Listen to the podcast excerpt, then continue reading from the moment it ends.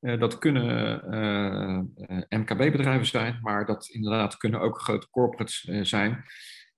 waarbij eigenlijk het vraagstuk wat er dus ligt, inderdaad, is ja, we willen wel innoveren, maar hoe dan?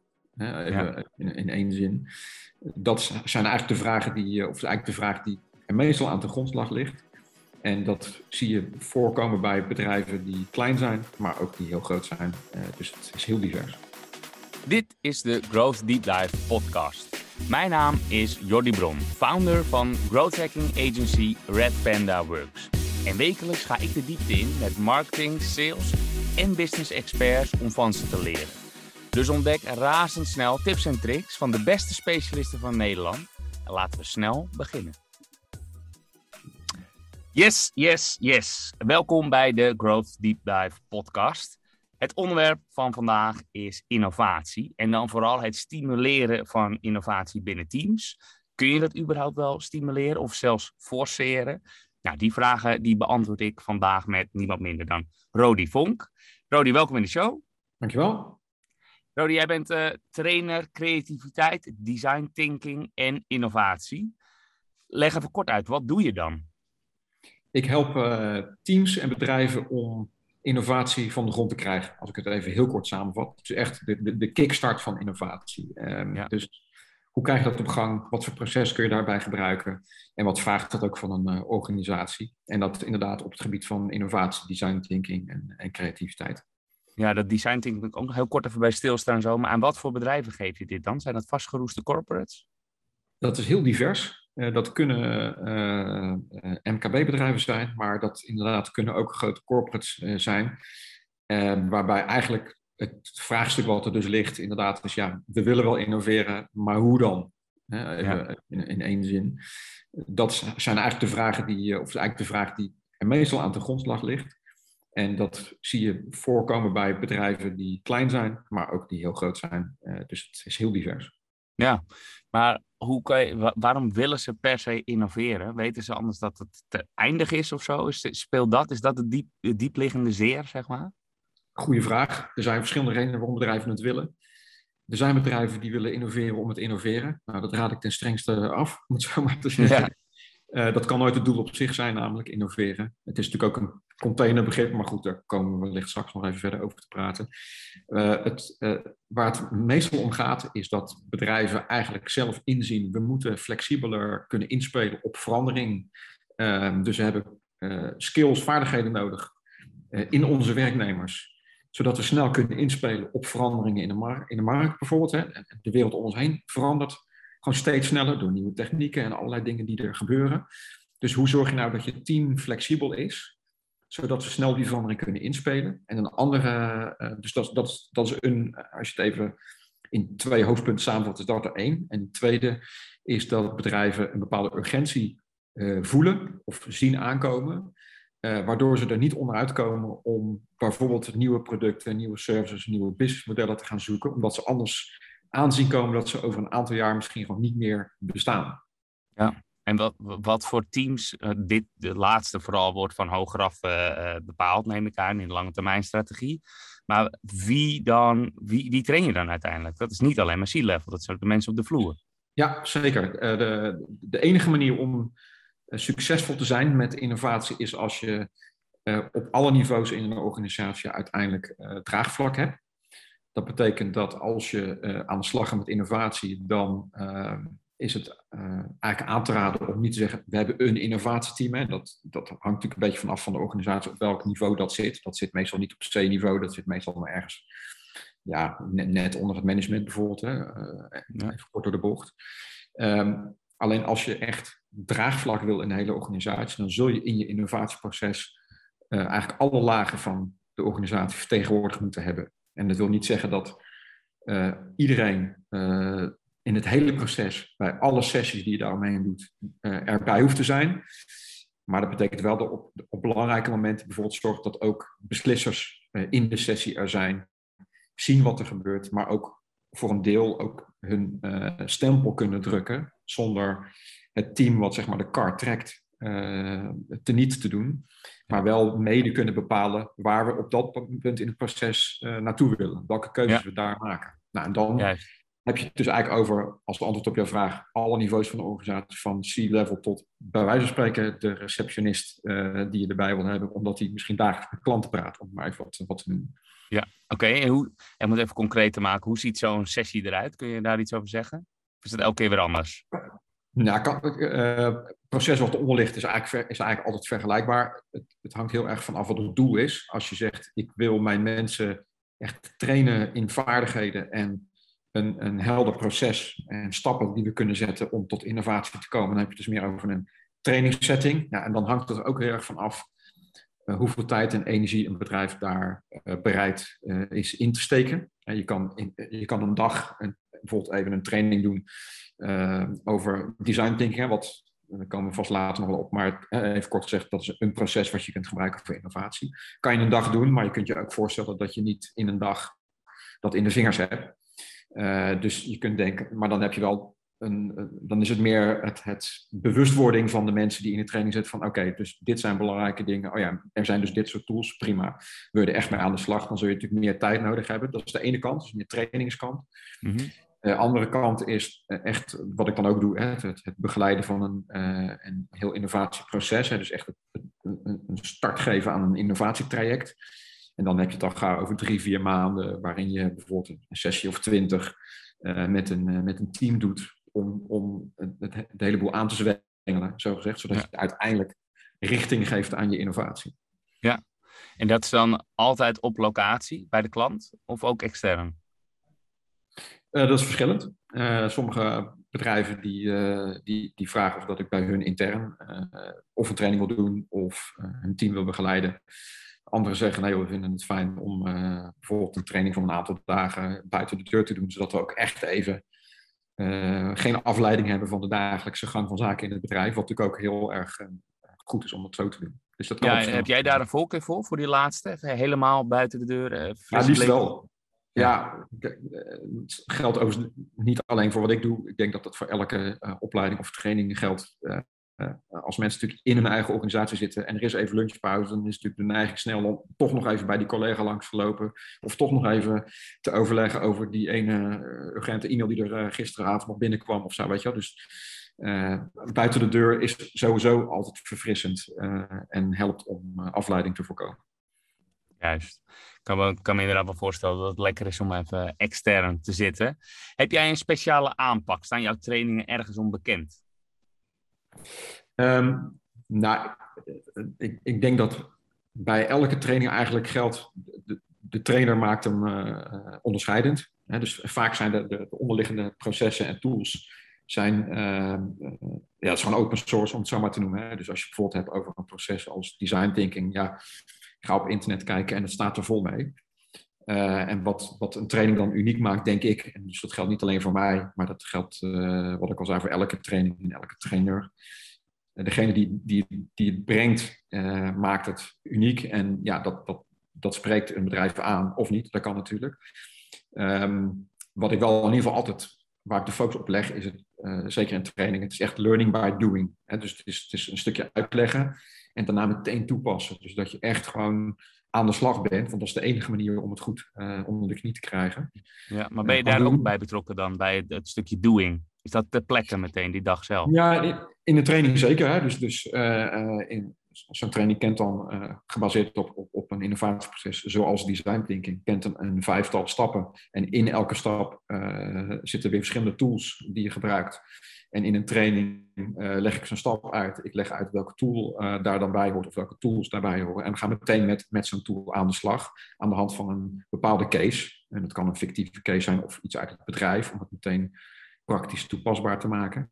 Maar dat je het wel meteen toepast, dan, uh, dat is de beste manier, denk ik, om het, om het onder de knie te krijgen. Ja, juist. En stel nou dat bedrijven daar zelf mee aan de slag zouden willen gaan, zonder een externe trainer, zonder jou is dat überhaupt te doen? Of moet je altijd die frisse blik van een externe hebben? Is zeker te doen. Um, wat het vraagt van, als je het zelf intern doet, uh, in ieder geval iemand die, die uh, goed kan faciliteren en die die rol ook krijgt. Hè? De, dus, het, het, uh, dus dat kan heel goed het, het gevaar erbij kan zijn dat als je iemand die intern normaal een andere rol heeft en die bijvoorbeeld ineens dan de facilitator is, wordt die ook zo gezien. Je moet als facilitator, moet je ook, als trainer moet je soms ook die rare vragen of misschien wel voor de deelnemers een gevoel, die domme vragen kunnen stellen, maar die wel eye-openers zijn. Je moet de regie kunnen nemen op processen en mensen ook gewoon soms even strikt ja, toespreken klinkt zo belerend, zo bedoel ik het niet, mhm. maar wel even bij de les houden van joh, we hebben nu 20 minuten voor dit, over een uur hebben we dit nodig, je hebt nu 30 minuten met je groep om dat te doen. Um, nou, die rol moet je wel durven nemen als je intern in een bedrijf zit. En dat, dat kan soms een risico zijn, omdat mensen zich daar dan misschien niet zo vrij voelen om die rol te nemen.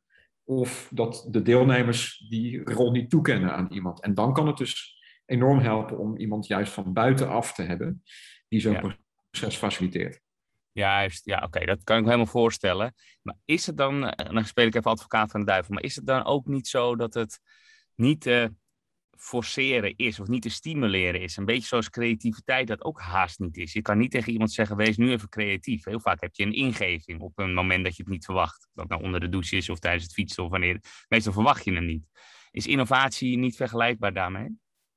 Um, denk het niet. Je hebt wel gelijk als je zegt over, als het gaat om ideeën bedenken, dan zijn zeker die dingen die jij net noemt, die, die, die onbewaakte momenten, dat er ineens zo'n zo'n idee in je hoofd uh, komt. Dat, dat, kent iedereen inderdaad wel. Je zit op de fiets of onder de douche, wat je net zei. Uh, alleen dat hele stuk creativiteit is, is maar een onderdeel van een innovatietraject. Hè? Dus, dus innoveren is niet een brainstorm sessie. Innoveren is een proces met een aantal stappen die je moet doen, waarvan er één is brainstormen, ideeën bedenken. Ja. Ehm, en juist mensen een stappenplan geven, zo'n proces, en ze daar doorheen helpen en stap voor stap dat proces doorlopen, waardoor je het ook overzichtelijk maakt. Dat is nou juist wat het zo enorm helpt. En dat geldt overigens ook voor creativiteit, lees brainstormen op zich. Uh, ja. je hebt ook die, uh, die, even de incubatietijd nodig, hè, noem ik maar even. Dus, dus uh, je hebt het ergens over, je bent over iets aan nadenken, je hebt een brainstorm sessie, laat het vervolgens even een paar dagen los en ineens plopt er een idee in je hoofd. Dat moet je daar ook zeker bij gebruiken, maar het helpt ook enorm om zo'n creatief proces, zo'n brainstorm sessie, gewoon heel goed gefaciliteerd, begeleid met een aantal stappen en een aantal technieken gewoon te gaan doen. En, mensen op dat moment even te pushen om iets verder te denken dan de gebaande paden. Nou, daar zijn dan allerlei technieken voor. Dus uh, ik geloof zeker dat je dat stappenplan uh, of dat proces, dat je dat nodig hebt, ja. Ja, omdat het niet even uh, van één moment is, maar dat het een lopend proces is waar, waar ook gewoon lange tijd overheen gaat is het in die zin niet vergelijkbaar met creativiteit. Maar jij zegt creativiteit is natuurlijk wel een klein onderdeel daarvan. Je moet wel een goed idee hebben. En dat komt dan wel, ja, of dat heb je al, of dat kan je losweken via een brainstorm sessie. Ja, en dat, uh, het is inderdaad ja, een, een klein uh, onderdeel, weet ik niet, het is in ieder geval een belangrijk onderdeel van innovatie. Ja. Um, en als je dan hebt over zo'n zo proces, ook, ook de reden om een stappenplan te hebben, is dat je het dan ook concreet kunt maken. Hè? Dus wat ik eerder zei, als ik een traject begeleid wat een maand of drie, vier bijvoorbeeld duurt, dan, dan ga je vooraf met elkaar gewoon alle sessies die nodig zijn, die ga je gewoon inplannen. Je vraagt tijd en commitment van de deelnemers. Uh, dus ook van uh, de beslissers en de top in het bedrijf zeggen, dit kan alleen maar werken als deze mensen ook de tijd krijgen van hun leidinggevende bijvoorbeeld. Dus dan, dan, staat het in de agenda, dan is het vast. En eh, als je dat niet doet, dan loop je het risico uh, dat innovatie erbij komt. Weet je wel? Dus dat ze kunnen we niet even volgende week een uurtje brainstormen? Of ja, dan ja, zo. agenda, weet je, dan komt het er niet van. En dat is nou juist vaak een van de dingen waarom het niet gebeurt. Het komt er niet van, omdat het niemand zijn core business is, zo gezegd. Dus ja. je moet het wel belangrijk maken op die manier. Ja, dat, precies. Maar dat zou uh, mijn angst ook gelijk zijn als, als ondernemer uh, zelf. Waarbij uh, ik toch ook een beetje ga over de tijd van de mensen. Ze moeten zoveel mogelijk billable zijn. we hebben wij eh, als agency natuurlijk gewoon targets en die hebben alles met uren te maken. Dat betekent als we hier een traject voor zouden ingaan, dat je dus omzet mist. Ja. Hoe, hoor je die vaak terug? Want hoeveel... Absoluut. Dat ja, kan me dat, voorstellen, ja. En dat begrijp ik heel goed. Um, alleen, en dat is ook, daar zitten een paar aspecten aan. Een van die aspecten is uh, als er niet genoeg uh, urgentie is of reden is om te gaan innoveren, dan, is dit, dan gaat waarschijnlijk dit een van de belangrijkste argumenten zijn om het niet te doen.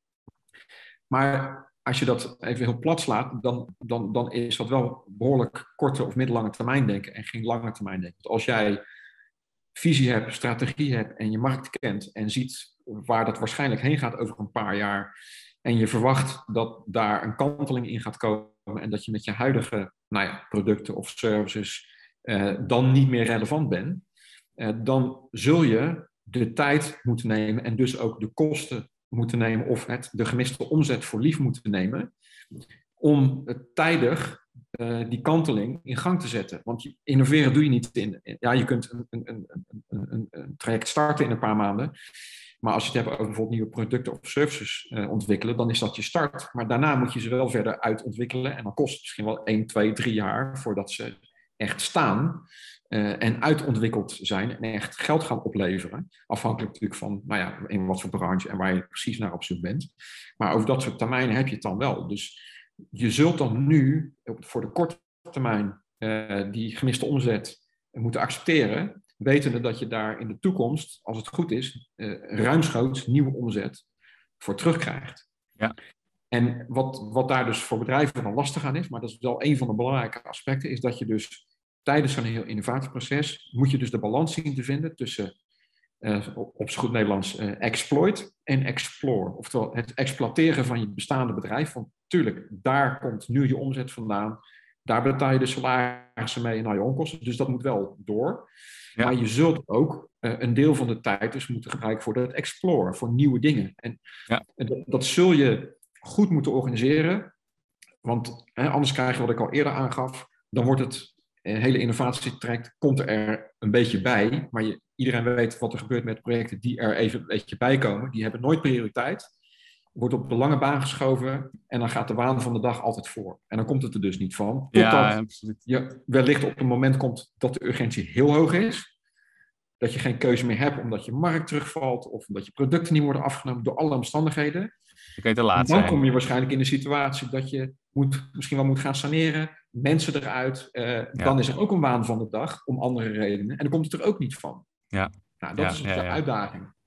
Ja, herkenbaar. eh, tenminste, die, die eh, uitdaging als in eh, exploit en explore, die hebben wij natuurlijk ook. Eh, wij vullen hem dan iets anders in, maar we hebben een 10% regel. betekent dat je in ieder geval 10% van je, dat is echt een ondergrens van je tijd, aan zelfstudie, trainingen, cursussen, boeken lezen, dat soort dingen moet doen. Hè, dus, dus individueel exploren. Maar de eh, richtlijn is al 20%. Dat is toch wel één volle dag. En daarbij voelt het ook een beetje dubbel. Dat is ook waarom ik er naar vroeg. Hè? Dat je zegt, ja oké, dat is dus niet het exploiten. Je kan een dag per week meer billable zijn. Maar dat is dan korte termijn denken. Dat is denk ik vergelijkbaar met eh, deze situatie zoals jij die schetst voor bedrijven. Al is dat dan groter verpakt. Ja, nee, ik denk dat je gelijk hebt. En, en ik denk dat je, nou ja, misschien uh, ken jij of, of luisteraars dat ook wel. Hè? De, de, het verhaal, ik weet eigenlijk niet meer of dat het nog steeds zo is, maar dat Google volgens mij ooit ook zei: 20% van je tijd mag je besteden aan iets wat niet met je dagelijks werk te maken heeft, aan Ja. nieuwe ideeën, waar dan uh, de meest briljante ideeën uit uh, blijken te komen. Ja, dat is dan meer, dat is dan, ik, ik weet niet precies hoe ze dat of nog steeds doen of gedaan hebben hoor, maar dat kan zijn dat dat wat meer ongestructureerd is. Terwijl als je echt in een innovatieproces zit en het besluit is genomen en het mandaat is er van de top en er is tijd gereserveerd om dat te gaan doen, dan is dus die zoveel procent van je tijd, hè, of, hoeveel je er ook voor wil reserveren, is voor dat. En als je ja, maar hoeveel, hoeveel is dat dan gemiddeld bij bedrijven? Sorry, wat zei je? Hoeveel procent uh, moeten ze daarvoor reserveren als een traject met jou ingaan? Ja, um, dat is een goede vraag. Ik heb het eigenlijk nooit precies in procenten uitgerekend, maar Um, als ik even terug naar ga naar het voorbeeld van uh, een, een, traject van een maand of vier, uh, waarbij het eigenlijk toewerkt naar een aantal proposities of, of eerste opzetten van business cases uh, die klaar zijn om verder te gaan uitwerken. Dat is dan waar je dan naartoe zodat je een goede start hebt en richting aan je innovatie. Dat doe je dan in een maand of drie, vier tijd. En dan moet je rekenen dat je daar ongeveer ja, rond de twintig sessies aan besteed, plus nog een beetje huiswerk. En dat zijn dan sessies die variëren van een halve tot een hele dag. Dus ja, ik heb nu even niet snel de rekensom paraat, maar... Nou, ik zat even mee te rekenen, maar dat is ongeveer 15 dagen, zou ik dan even zeggen. Van de vier maanden 80 werkdagen. Dus dat is zo'n ja. 20 procent. Ja, dan zit je daar inderdaad al gauw aan, denk ik. Ja. ja. ja. Oké, maar dat is ongeveer dus die ene werkdag zoals ik ook die 20% ja. hanteer. Ja, dan komt het in die zin niet, niet heel vreemd. Ja. Hey, ik heb nog een, een drietal korte stellingen achter de hand gehouden. Voor, ja, die hebben niet geoefend. Dus ze zijn voor jou dus nieuw. Um, je mag mee op, op, reageren met eens of oneens. Achteraf nuanceren. Een beetje BNR-stijl, jou wel bekend. Um, ben je er klaar voor, de eerste? Zeker, kom maar op. Um, er zijn ook genoeg voorbeelden van bedrijven die nauwelijks innoveren en toch altijd succesvol zullen blijven. eens. Oké. Okay. Innovatie zou eigenlijk ook een vak op de middelbare school moeten zijn. Eens. Oké. Okay. Iedere ondernemer zou periodiek eens een externe moeten inhuren om innovatie te stimuleren. Ja, uiteraard eens. ik had niet anders verwacht. ik had niet anders verwacht.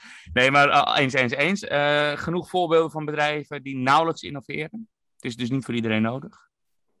Ja, dan, dan, dan voel ik de bouw hangen dat ik dan een voorbeeld moet geven. Uh, en, nou heb ik dat niet zo 1, 2, 3 paraat, maar om, om dat even iets, te, iets uit te zoomen.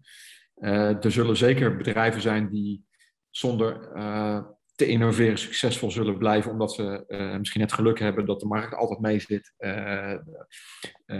Ik, of die ehm, goed mee, meedijnen op de verandering. Eigenlijk, misschien zit het al in, hun DNA, die noemen het misschien innoveren, geen innoveren, maar die, ja, die, rollen gewoon mee eigenlijk in de, in de vaart der volkeren, om het zo maar te noemen. Of minimale uh, wijzigingen misschien. Zoals, uh, ik zit zelf even aan Coca-Cola te denken, die dan een keer met een cherry flavor komt, maar het is nog steeds Coca-Cola en dat zal het over ja. jaar nog zijn.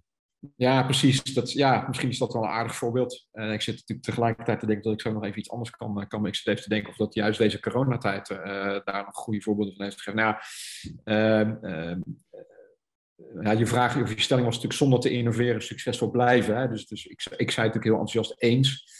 Um, ik, misschien moet ik dat dan iets nuanceren. Ja, ze zullen, je, je zal altijd moeten blijven inspelen op verandering. De vraag is even hoe drastisch die dan moet zijn. Dus innoveren kan natuurlijk zijn aan de ene kant... Uh, je markt gaat zodanig veranderen dat je echt naar iets anders toe moet. Hè? Nou, misschien moet het, hebben we het dan over de de, de, de oliemaatschappijen van deze wereld, waarvan uh, natuurlijk heel veel mensen roepen, ja, over x jaar uh, is het, gaan we dat niet meer gebruiken. Dus dan moet je om naar elektrisch of andere oplossingen. Dat, dat vraagt nogal wat. Hè? Uh, dus dat vraagt een enorme omslag. Er zijn misschien andere bedrijven, ik zit te denken aan, nou, we gebruiken nu bijvoorbeeld Zoom, hè, dat bestaat natuurlijk al jaren. Die heeft natuurlijk een enorme booster gekregen met andere vergelijkbare platforms, zeker in het afgelopen jaar. Dus die zijn eigenlijk door de ontwikkeling die gewoon zich heeft voorgedaan met, rondom COVID, uh, enorm natuurlijk meegelift. En ja, die blijven natuurlijk hun platform wel steeds verbeteren. En dat, dat, maar dat zit er misschien op dit moment meer in, zoals we dat noemen, de incrementele innovatie. Dus steeds verbeteren wat er is. Maar misschien komt er voor hun ook wel een moment uh, dat je zegt, ja, uh, de verwachtingen van, van mensen zijn inmiddels zo veranderd zoals wij nu zitten te videobeelden, voelt misschien over vijf jaar echt als, als oldschool. En worden er hele andere dingen gevraagd. Dus ja. dat, dat, is natuurlijk wel een beetje de nuance in, in de stelling. Ja, dat, nou, terecht ook die nuance. en dat lijkt me ook het moeilijke aan innoveren. Hè? Want volgens mij vijf jaar geleden zeiden ze ook al dat wij dergelijke meetings zoals we die nu hebben met een bril op zouden doen in een 3D-omgeving. en, en dat is super innovatief, maar dan is het toch niet commodity geworden. Nee. En dan, eh, daar, daar zijn waarschijnlijk miljoenen eh, mee verbrand, want we hebben nog steeds niet de bril op.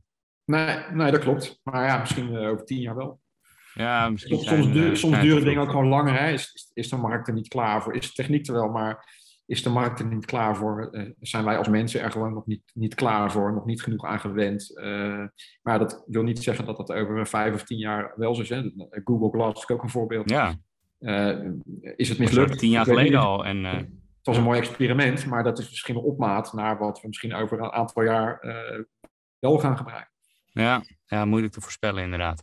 Hey, Heb jij nog concrete tips om um, ook te weten of je al moet innoveren? Uh, nee. Dus is, is er een soort van toets of zo? Dat je zegt, oké, okay, ik peil dit in de markt en als er dit uitkomt, nou, dan ben ik de lul en dan moet ik Rodifonk inschakelen. Vind ik lastig hoor, om het zo algemeen te maken. Ik denk dat het, uh, uh, als, je een, als je een goed uh, georganiseerd bedrijf bent en goed leiderschap hebt, dan, heb je, dan ken je je markt, dan heb je een duidelijke strategie en een visie. dan kijk je, als het goed is, ver genoeg vooruit. En ben je in staat om een redelijke inschatting te maken wat er over een aantal jaar al of niet nodig is. En wat dat vraagt op dit moment van je organisatie. En hoe sterk je daar al op moet gaan voor sorteren. Ja. Een voorbeeld, in het voorjaar heb ik een, heb ik een, een innovatietraject gedaan bij een, een snoepfabrikant.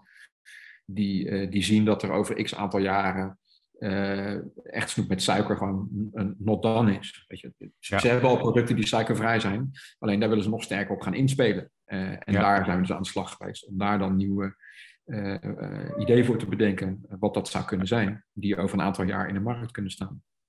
Juist. En jouw rol is dat dan faciliteren, trainingen dus, maar hele sessies en het begeleiden. Ja. Bij, bij, inderdaad, uh, bij de hele laag. Dus uh, de directie wordt meegenomen. Maar, ja, we hebben daar een, een, een team alle van, eigenlijk een, een, kernteam zeg maar, van tien mensen.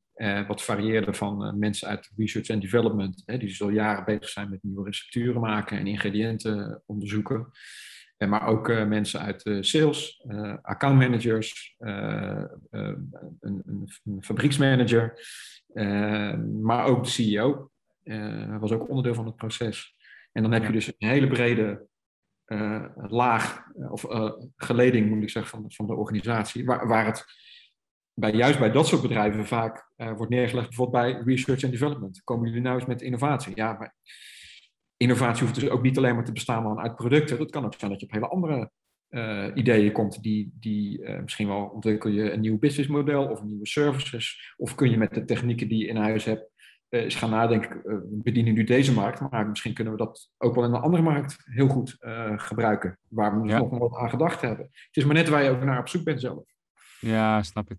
Ja, right. We moeten een beetje gaan afronden. Heb jij nog een ultieme tip voor een beginnende marketeer, of eigenlijk een beginnende ondernemer? Of zeg je nou, als je beginnende ondernemer bent, moet je nog helemaal niet bezig zijn met innovatie? Ja, als je echt aan het begin staat, dan, dan, dan begin je met iets waarvan je, als het goed is, denkt: uh, hier, hier zit een markt. Uh, ja, dus dan is het eigenlijk al, al, al, nieuw, of, of voor jou nieuw, of je, je, zit in een, in een bestaande markt waar jij denkt: nou, als ik het op deze manier doe, dan eh, is het net even anders dan mijn uh, concurrenten. Dus dan ben je wellicht al, zonder dat je het misschien zo noemt of zo hoeft uh, te noemen, aan het, eigenlijk aan het innoveren. Ja, ja. Um, de, de, de, de uitdaging zit hem vooral bij gevestigde bedrijven die, uh, die al jaren bestaan en uh, die al in patronen zitten en die soms ook hun eigen blinde vlekken niet meer zien. Ehm, ja, de, de kunst daar is juist om die urgentie te voelen dat het nodig is om te innoveren maar dat, moet je, dat is eigenlijk hetzelfde als dat je uh, tegen iemand zou zeggen: Jij moet naar de psycholoog. Dat gaat iemand niet doen, tenzij hij het zelf voelt dat het nodig is. Mm. Nou, dat, ja. Ik vergelijk dat maar altijd een beetje met dit ook. Je moet als bedrijf zelf voelen dat het nodig is. Ja. Dan pas ga je het doen. En dat zit ja. dus meer in de gevestigde bedrijven, denk ik, dan in de echte nieuwe uh, bedrijven. Ja, oké. Okay. Kan me iets voorstellen, inderdaad. Ja, alright. Dankjewel uh, voor dit gesprek en dit verhelderende gesprek rondom innovatie en dan dus vooral het stimuleren daarvan. Uh, als mensen nou zeggen van uh, Rodi komt bij mij ook even de boel aanzwengelen, dan kunnen ze volgens mij naar rodifonk.nl. Klopt dat? Klopt helemaal. Dat is de website, hè? Of LinkedIn neem ik aan, zoals ik jou ook benaderd heb. Ja, zeker. Ja hoor, LinkedIn of inderdaad website. En daar staan alle contactgegevens verder op. Dus kan zeker. Ja. Top, hartstikke goed. Dan wil ik je in ieder geval nogmaals bedanken en heel veel succes. Dankjewel Jordi, graag gedaan. Yes, hoi. Yes, dit was hem weer. Hopelijk was deze aflevering weer leerzaam, zodat jij een nog betere growth hacker wordt. Heb je zelf ideeën voor onderwerpen of wil je zelf te gast zijn als expert? Stuur mij, Jordi Bron, een berichtje op LinkedIn of stuur een mail naar jordi.redpanda.works. Het e-mailadres vind je natuurlijk ook op onze website redpanda.works. Ik wil je dan nog iets vragen en dat is om een eerlijke review te geven. Voor growth hackers is het namelijk super belangrijk om feedback en daarmee data te verzamelen. Dus ben ik benieuwd wat jij van deze podcast vindt. Laat het dus weten door een review te geven in je favoriete podcast app. Dankjewel alvast en tot volgende week.